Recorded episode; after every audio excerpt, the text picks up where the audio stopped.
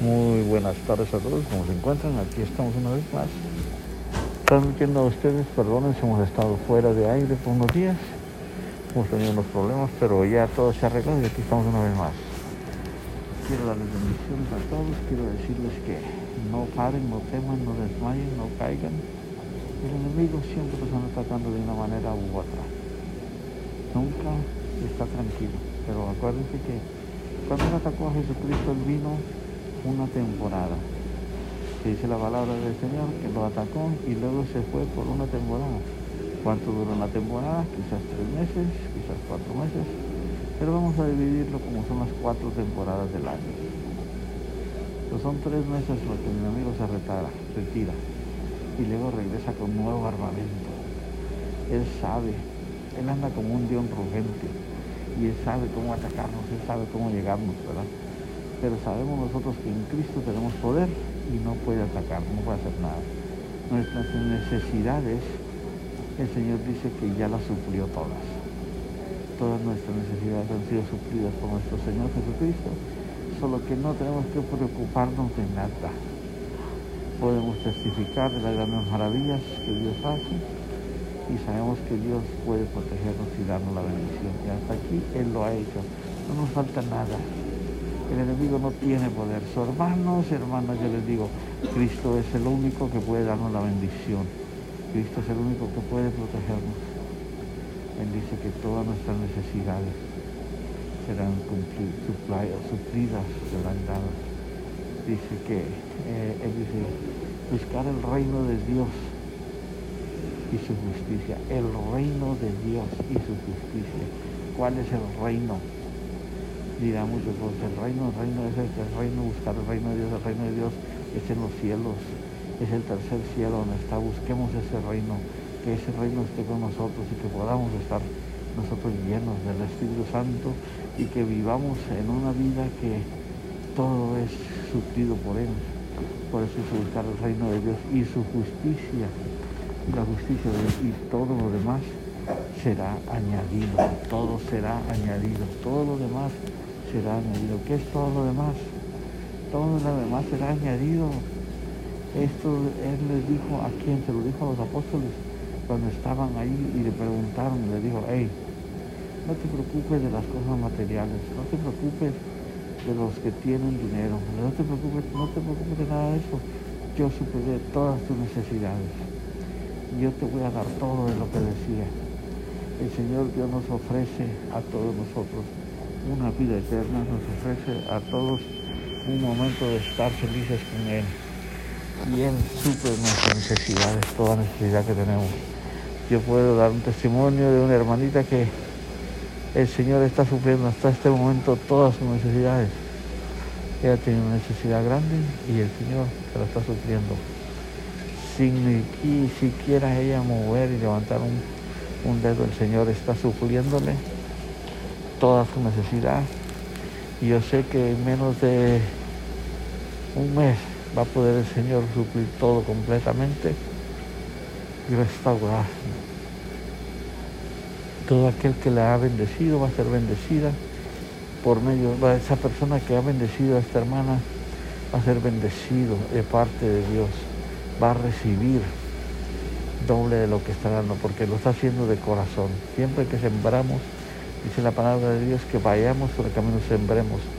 Él dice, habla la historia del labrador, que un hombre iba por el camino y semilla caía en piedra dura, se caía en tierra seca, caía en ciertos lugares, pero cayó una semilla en terreno fértil. Y esa semilla del terreno fértil se creció y multiplicó. Y de ahí pudo haber cosechado esa persona. Las otras, las aves se lo comían, porque son semillas que caen, lo mismo lo podemos decir en el sentido de, la, de las finanzas.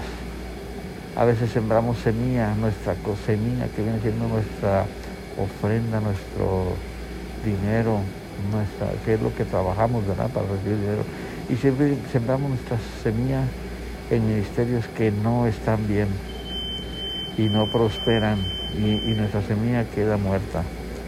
Y hay lugares que caemos en tierras secas que puedes ir a la iglesia y se siente aquel vacío, aquel hace que son solo nomás una poquita cantidad de personas las mismas y nunca crecen, ni suben, ni bajan, siempre están iguales.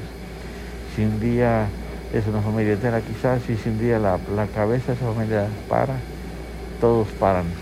Porque no tenemos que depender de ese tipo de personas, sino que tenemos que buscar familias, tenemos que buscar nuevas personas, pero se reseca. Y otras caen en, piedras. El piedras es las personas que son duras, que no les importa nada, que solamente les interesa lo que es las finanzas. Pero Dios va a suplir. Y luego la otra que cae en tierra fértil. Ministerios que crecen, que florecen. Y así como ellos florecen, nosotros también florecemos. Así que yo les digo, no les estoy diciendo que den ofrendas a, este ministerio ni nada de eso. Simplemente les estoy diciendo, busquen ministerios que están floreciendo, ministerios que prosperan, ministerios que Dios tiene su mano sobre ellos. Hay muchas iglesias así que están llenas del Espíritu. Hermanos, hermanas, no necesitamos estar pidiendo a cada rato diciendo, ayúdame, ayúdame, ayúdame, dame, dame, que si no me ayudas, no, no, no, no, no, no. Si Dios te llamó al ministerio, Dios abrió la puerta para que tú ministras, Él va a suplir toda tu necesidad.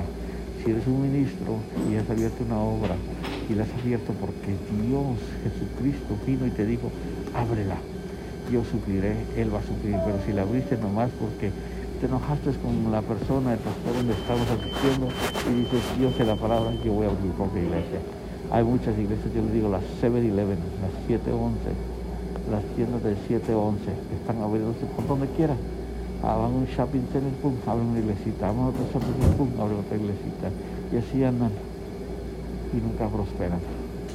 ¿Por qué? Porque Dios no está con ellos. Hay lugares que hay tres, cuatro iglesias en el mismo shopping center pero ¿por qué están ellos ahí peleándose? Están todos ahí en el terreno. ¿Quién fue el primero que llegó? El que llegó primero se debe de caer en ese lugar porque todos los demás están llegando a la tierra prometida de la persona que estaba ahí. Pero el Señor sabrá trabajar con ellos. Dios promete, Dios provee y cumple. Él nunca se queda callado, Él nunca se queda con nada. Así que hermanos, yo les digo, si van a pedir a Dios, pídanle que los bendiga. Y si no, pues Él va a hacer toda su obra. Bueno, esto fue algo rápido y aquí se lo dejamos. Si escucharon, bips o soniditos acá atrás, es porque en este día estoy en la diálisis. Yo, yo sé que muchos ya no sabían eso, pero estoy en la diálisis y por eso estoy transmitiendo en vivo. Y saben que Dios tiene poder y todo va a ser para gloria de su nombre. Así que Señor me lo bendiga que tengan un próspero día, que sean bendecidos y que el Señor esté con ustedes. Amén, amén, amén, amén. No se olviden que es el pastor Antonio Bosch del Torno del Alfarero, Second Chance Ministries, estamos aquí transmitiéndoles. Y si quieren comunicarse con nosotros, háganos a el torno del alfarero arroba gmail.com el torno del alfarero a gmail.com el torno del alfarero a gmail.com. Bendiciones y gran día. Amén.